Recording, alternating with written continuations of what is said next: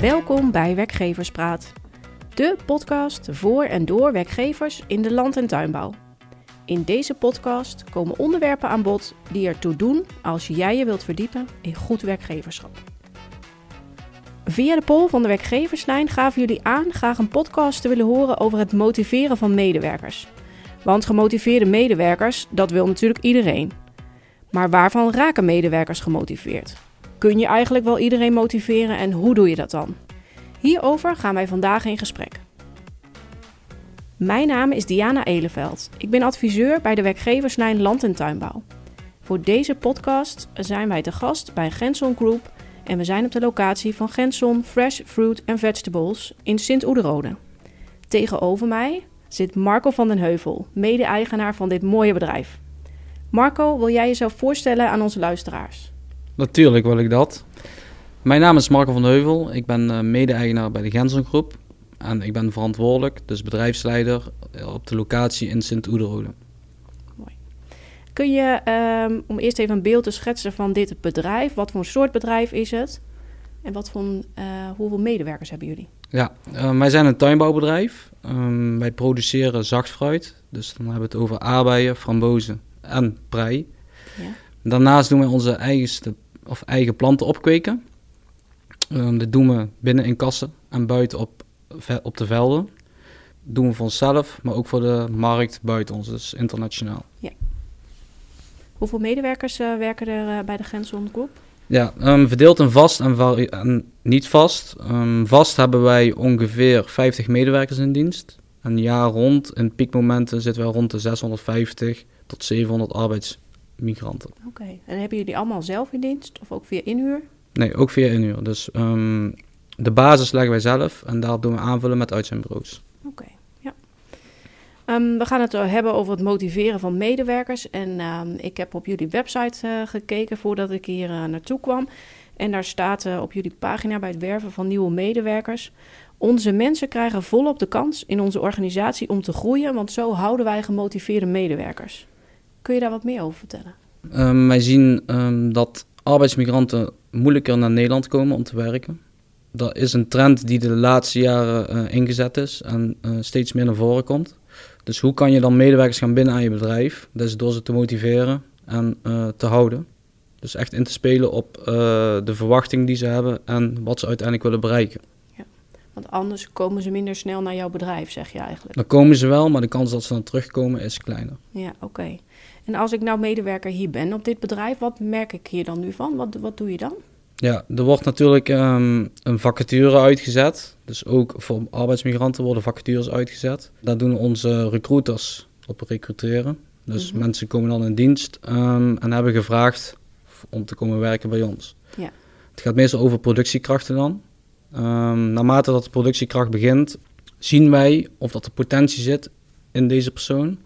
En kunnen we ook achterhalen of dat ze zelf ook uh, door willen groeien en langer willen blijven in Nederland. Ja. En hoe zie je dat dan? We hebben natuurlijk onze teamleiders en productieleiders. Zij zijn al doorgegroeid in onze organisatie.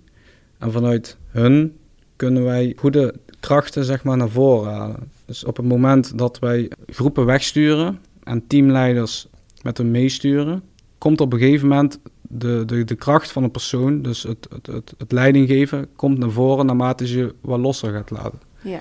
Dus dat betekent, um, als de teamleider dan weer weggaat, dat deze persoon uh, gaat treden op de voorgrond, waardoor wij zeg maar zien dat deze persoon ook echt de kracht heeft om bijvoorbeeld een teamleider te kunnen worden. Ja, precies. Ja. Dus dat, dat ontstaat eigenlijk een beetje op de werkvloer, als ik jou ja, goed begrijp. Ja. En, of is dat ook iets wat bijvoorbeeld in functioneringsgesprekken of zo wordt besproken? Mm, nee, op uh, dat niveau uh, hebben we geen functioneringsgesprekken. Dat komt wel op teamleiderniveau.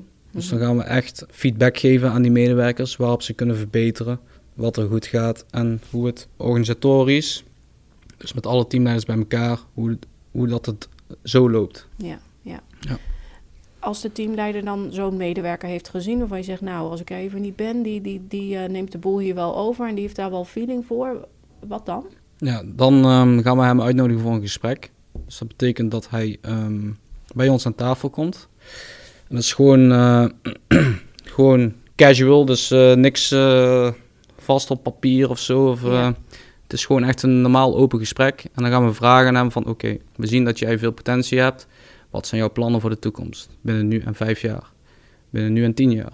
Ja. Wil jij hier voor een bepaalde tijd blijven? Of wil jij langer in Nederland blijven bij ons bedrijf? En zodoende willen we eigenlijk een beetje achterhalen of zo'n persoon gemotiveerd is om te blijven werken voor ons bedrijf. Ja. En op die manier ook dus te achterhalen of dat hij de moeite waard is om in te investeren. Precies, ja. Eh, stel nu dat die medewerker inderdaad die ambitie dan uitspreekt van eh, ik zie dat wel zitten. Ja. Hoe ziet het vervolgens dan uit? Nou, dan gaan we een traject in. En dat traject is een beetje, wij eh, stellen eisen op. Dus wij laten aan hem merken wat wij willen dat hij laat zien. Ja. Dus bepaalde eigenschappen. En hij gaat dan mee aan het werk. Dus dat betekent, hij krijgt langzamerhand een team met zich mee. Die moet gaan coördineren. Dus dan krijgt hij eigenlijk een soort junior teamleider functie over zich heen. Dat hij zijn eigen kan gaan bewijzen. En vanuit daar komen weer de vervolgstappen. Ja, precies. Ja. Dat opleiden en trainen van die medewerkers, gebeurt dat dan hier intern op de werkvloer? Ja, uiteindelijk um, zo'n junior teamleider, die, uh, die biedt potentie. En zo zijn er meerdere in het bedrijf. Waardoor we, als we een groepje hebben, hun een opleiding kunnen aan gaan bieden. Dus is dan een opleiding bijvoorbeeld in leiding geven. Ja. Deze personen worden dan opgeleid op de manier hoe verwacht wordt dat er in een organisatie leiding gegeven wordt. Ja. Je moet je voorstellen dat het best wel lastig is omdat je met een andere cultuur te maken hebt. En je moet zorgen dat de cultuur van hun en onze cultuur een beetje gemengd is en blijft. Ja. Want we, we hebben het hier specifiek echt over internationale werknemers, hè, die in de productie starten, Ja. maar die dan door willen groeien naar dat middenkader, zeg maar. Hè? Ja, het gaat Ja. vooral al over arbeidsmigranten. Ja, Dus. ja, Ja. ja. ja, En, die, en die opleiding die is dan ook specifiek gericht op internationale eh, werknemers. En ook zitten er bijvoorbeeld zaken in, ook als taalaspecten. Ja, taalaspect is dan het volgende puntje. Dus ehm, die cursussen zijn puur gebaseerd op leiding geven. Dus ja, hoe moet ik omgaan met personeel op de werkvloer? Daarnaast kunnen ze natuurlijk ook een talencursus volgen, eh, zoals Nederlands. ja, Maar dat is wel meer uit de vraag van de medewerker. ja, want de mensen die ze aansturen zijn dus eveneens, net als zij, dan waarschijnlijk Pools. Ja, Ja, ja. Ja. precies. Dus de training gaat echt over het leiding geven. ja. Ja, En waarom doen wij Nederlands apart, dus op vraag? Dat is meer omdat we hebben in het verleden hebben we wel eens een Nederlandse cursus gegeven. ja, En toen eh, zagen we dat de motivatie bij sommige teamleiders er niet echt was. Waardoor ze er meer bij zaten van oké, ja, het is een moetje. ja. En dat is wat we willen voorkomen. Hoe komt dat, denk je? Ja, dat is een goeie. Ik denk ehm, doordat ze niet de echte essentie zien om een andere taal te leren, bijvoorbeeld Nederlands. Omdat wij natuurlijk ook wat Pools spreken. Ja. En de communicatie uiteindelijk toch wel eh, toereikend is. Ja. Dus ik denk dat er daar een beetje een... eh, ja, dus Ja. motivatie moet echt vanuit de persoon zelf komen. Ja, en de, de, de, de grootste groep eh, spreekt die Pools en, en jullie dus zelf ook als... ja, ja, handen en voeten, zeg maar. Ja, ja, oké, oké. Nou ja, je zegt van we kijken op de, op de werkvloer dus. En dan zijn er altijd mensen die er dan uitspringen. En daar heb je dan een gesprek mee. Maar ik denk dat niet iedereen teamleider wil worden of, of kan worden. Hoe zorg je dan toch dat die groep ook gemotiveerd is? Ja, natuurlijk ehm, werken wij ook met prestaties. Dus de groep die geen teamleider wordt of productieleider, dat zijn gewoon natuurlijk gewoon productiekrachten. Hoe kan je zorgen dat hun gemotiveerd blijven? Dat is meer door te zorgen dat ze bijvoorbeeld een bonus kunnen verdienen. Ehm, met hun meedenken. Dus ehm, niet stug alleen kijken naar je bedrijfsvoering, maar ook aan de medewerker zelf denken. Dus met Ja. ze meedenken. Als er problemen lopen, dat je in gesprek gaat met die medewerkers. Dat je laat blijken dat je hun gevoel en hun mening, dat je die accepteert en dat je er iets mee doet. Ja. Dus ik denk dat het meer vanuit daar eh, moet blijken dat ze gemotiveerd blijven. Ja, precies. En ik kan me zo voorstellen dat communicatie daar dan een heel belangrijke rol bij speelt. Ja, ja en vooral het luisteren na. Ja, Ja. ja. Hoe doe je dat? Door met de medewerkers in gesprek te gaan. Ja, Kijk, veelal hoor je vanuit je productieleiders of teamleiders hoor je een, een klacht of eh, iets waar ze tegenaan lopen. En dan is het de zaak aan ons om daarop in te spelen en die medewerkers uit te nodigen voor een gesprek. ja. Een vrijblijvend gesprek. Ja, precies. Ja. Ja, dus het, het is geen standaard onderdeel van je, van je HR-beleid, zeg maar. Dat, dat je daar ook specifiek naar vraagt. Nee, op productiekrachtniveau niet, nee. Nee. Bij nee. teamleiders wel. Oké, Ja. ja. En bedrijfscultuur, uh, welke rol speelt dat in dit hele traject bij het motiveren van medewerkers? Ik denk dat dat best wel een uh, belangrijk aspect is. Um, wat wij vooral bij ons in het bedrijf zien, wij zijn best wel een familiebedrijf. Ja. Dus dat betekent dat we weinig hiërarchie hebben in ons bedrijf, dus best wel een platte structuur. Ja. Een Poolse werknemer is van origine heel anders. Zij houden juist van hiërarchie, dus dat betekent dat ze een leider boven hen willen hebben die zegt wat ze moeten doen. Ja. Dat is wel een aspect wat we gezien hebben in het verleden, dat we iets meer toe mochten passen in ons bedrijf. Dus in principe blijven wij wel een familiebedrijf, alleen we proberen wel meer de hiërarchie toe te passen, waardoor wij ook op de wensen van hun zeg maar, op inspelen. Ja. Hoe ben je daar dan achter gekomen dat dat voor die mensen belangrijk is? Omdat je natuurlijk eerst zelf uh, wil dat uh, jouw medewerkers aanpassen op jouw cultuur. Daar krijg je dan een beetje wrang van door die medewerkers. Dus een medewerker gaat een beetje ja, tegensputteren of niet luisteren. En ja, dan merk je zeg maar, die, die wrang die merk je, waardoor je, doordat je in gesprek gaat met die medewerkers, merkt van oké, okay, we willen wel een bepaalde hiërarchie in het bedrijf, zoals een leider. Ja, ja. Ja, ja dus eigenlijk door, door, door de praktijk, door de, wat, wat wrijving, als ik het even zo mag noemen, kom Ja. je daar dan toch gaandeweg wel achter. Nou, dat is misschien iets wat we anders zouden kunnen doen. Ja, en waardoor je het ook heel goed ziet is, ehm, naarmate dat je bedrijf groeit, krijg je meerdere productieleiders. Ja, En dan heb je niet één leider. Die jongens die moeten met elkaar samenwerken. Maar dat gaat niet altijd even goed. En dan merk je dat jongens die normaal op de werkvloer wel goed met elkaar kunnen, op dat moment niet goed met elkaar kunnen, omdat ze aan het uitvechten zijn wie nou van hun tweede baas is. ja. In plaats van dat ze alle tweede baas zijn. Zijn er meer zaken als we nu toch hebben over de internationale werknemers? Nou ja, wat anders is. Als, eh, raken de internationale werknemers nog van andere dingen gemotiveerd dan je eigen Nederlandse personeel? Ja, bij hun is geld natuurlijk een belangrijker aspect. Ja, Kijk, hun komen hier werken om geld te verdienen. Is ooit wel eens lastig door de regelgeving in Nederland. ja, Omdat je natuurlijk ook aan de CAO gebonden zit. We kunnen niet meer net zoals vroeger eh, meer uren aan die werknemers geven. Dus eh, de, dagen, ja, de dagen zijn misschien wel hetzelfde, alleen het totaal aantal uren moeten we ons eigenlijk wel aan de regelgeving gaan houden. dus overuren maken is wel gewoon wat beperkt daardoor. Ja, juist. Dus Ja. overuur maken is daardoor wat beperkt. En huisvesting? Ja, Is dat iets wat een rol speelt in dit verhaal? ik denk het wel. Wat je nu ziet is dat ehm, veel huisvesting van grotere kamers teruggaat naar tweepersoonskamers. Hierop hebben wij ook eh, ingespeeld, twee jaar geleden. We hebben ook een nieuwe huisvesting eh, gemaakt voor twee personen per kamer. En ehm, je ziet toch wel, ook, ook, ook al moeten ze meer betalen, dat die medewerkers er wel voor willen betalen. Ja, Dus een stukje privacy komt echt wel terug in de nieuwe generatie van arbeidsmigranten. oké. Ja. En dat maakt ook dat ze gemotiveerd zijn om hier weer terug te komen. Als ze naar Nederland willen komen om te werken, dus kiezen ze misschien wel sneller voor jouw bedrijf. Ja. Oké, oké. Laten we even helemaal eh, over de andere boeg eh, gooien. Eh, een gedemotiveerde medewerker. Ja. Waaraan herken je die? Ja, die gooit zijn kont in de krip. Of tegen de krip, moet ik zeggen. Ehm, haalt zijn prestaties niet. Hij eh, sputtert teamleiders tegen. Ja, daar herken je hem denk ik aan.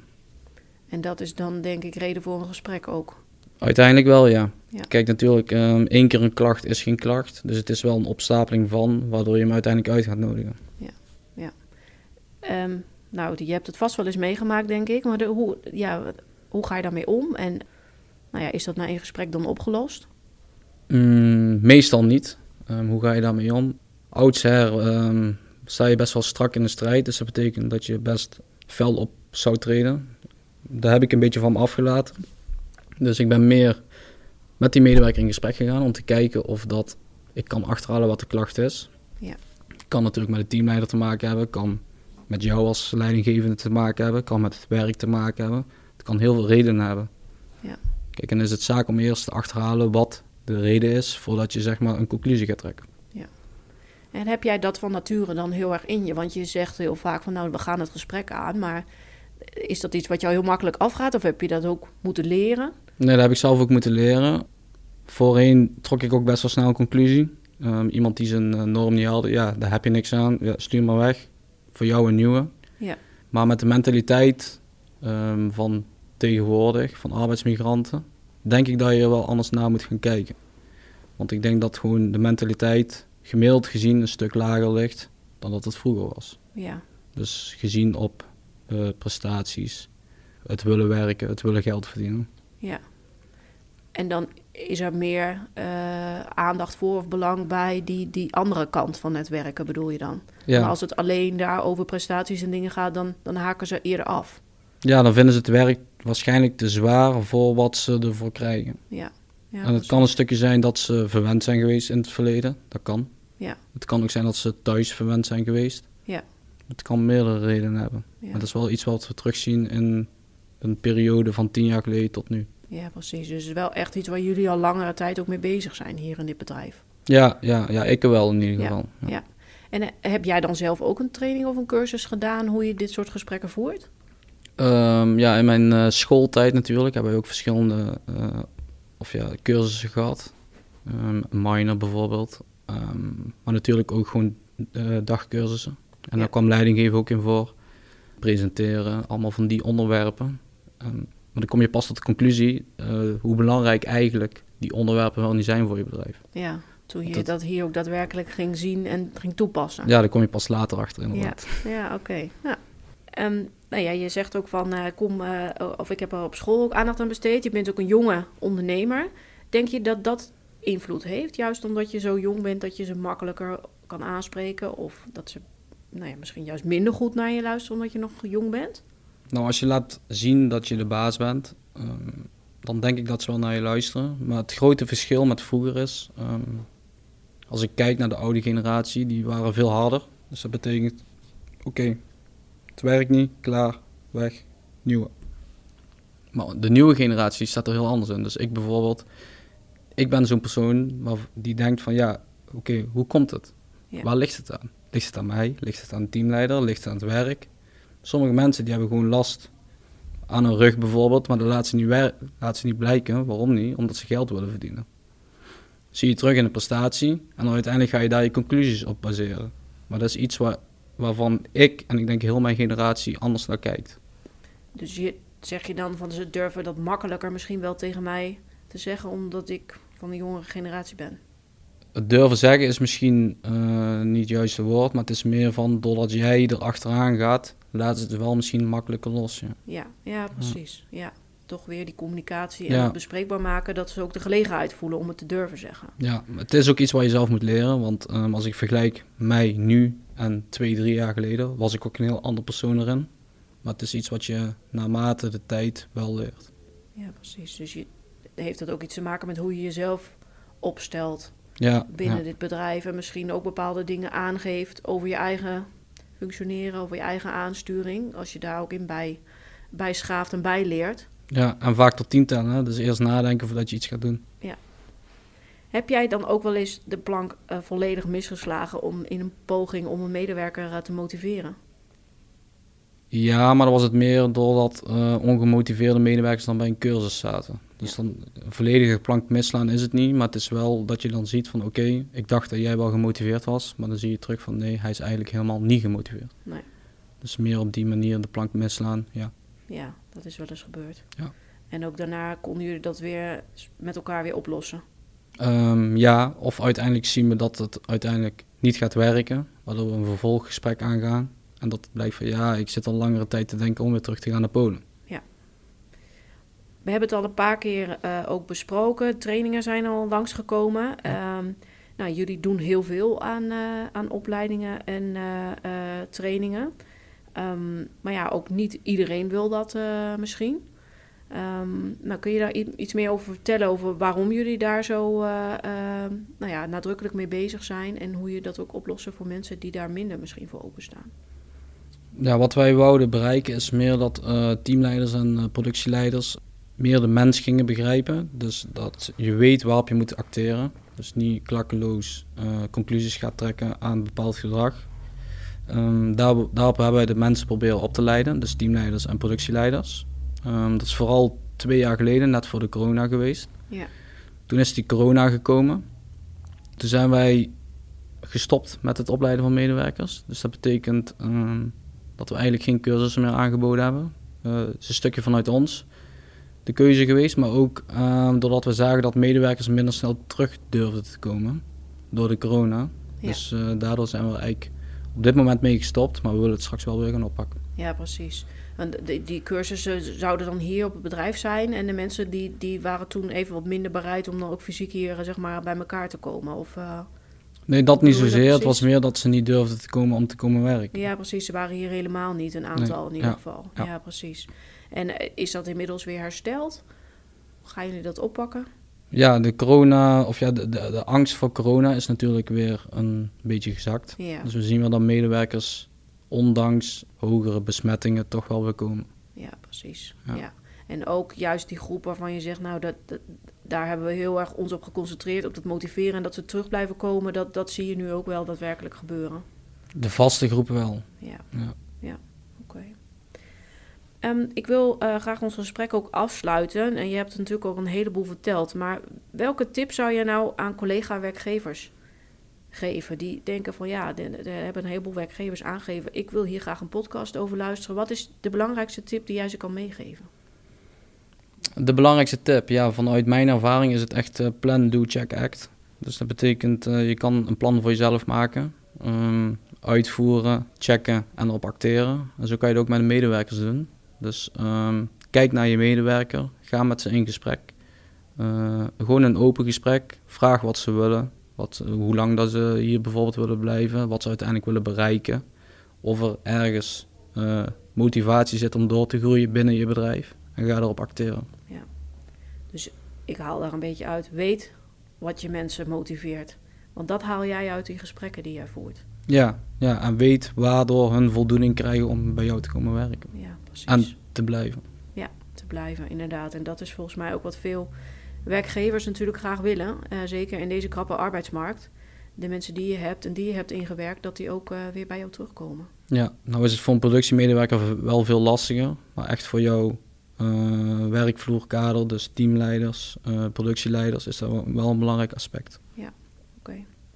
Mooie, mooie tip en dat lijkt mij ook een hele mooie eh, afsluiter van ons gesprek, eh, Marco. Ik wil jou heel hartelijk danken voor alles wat jij eh, met ons gedeeld hebt. En eh, fijn dat we hier vandaag te gast mochten zijn. Graag gedaan.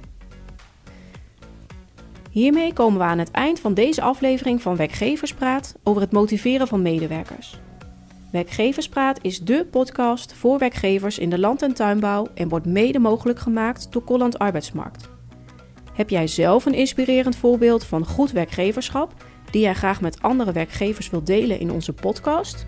Mail of bel dan naar de werkgeverslijn. Wil jij onze volgende podcast zeker niet missen? Abonneer je dan op ons kanaal. Bedankt voor het luisteren en heel graag tot de volgende Werkgeverspraat.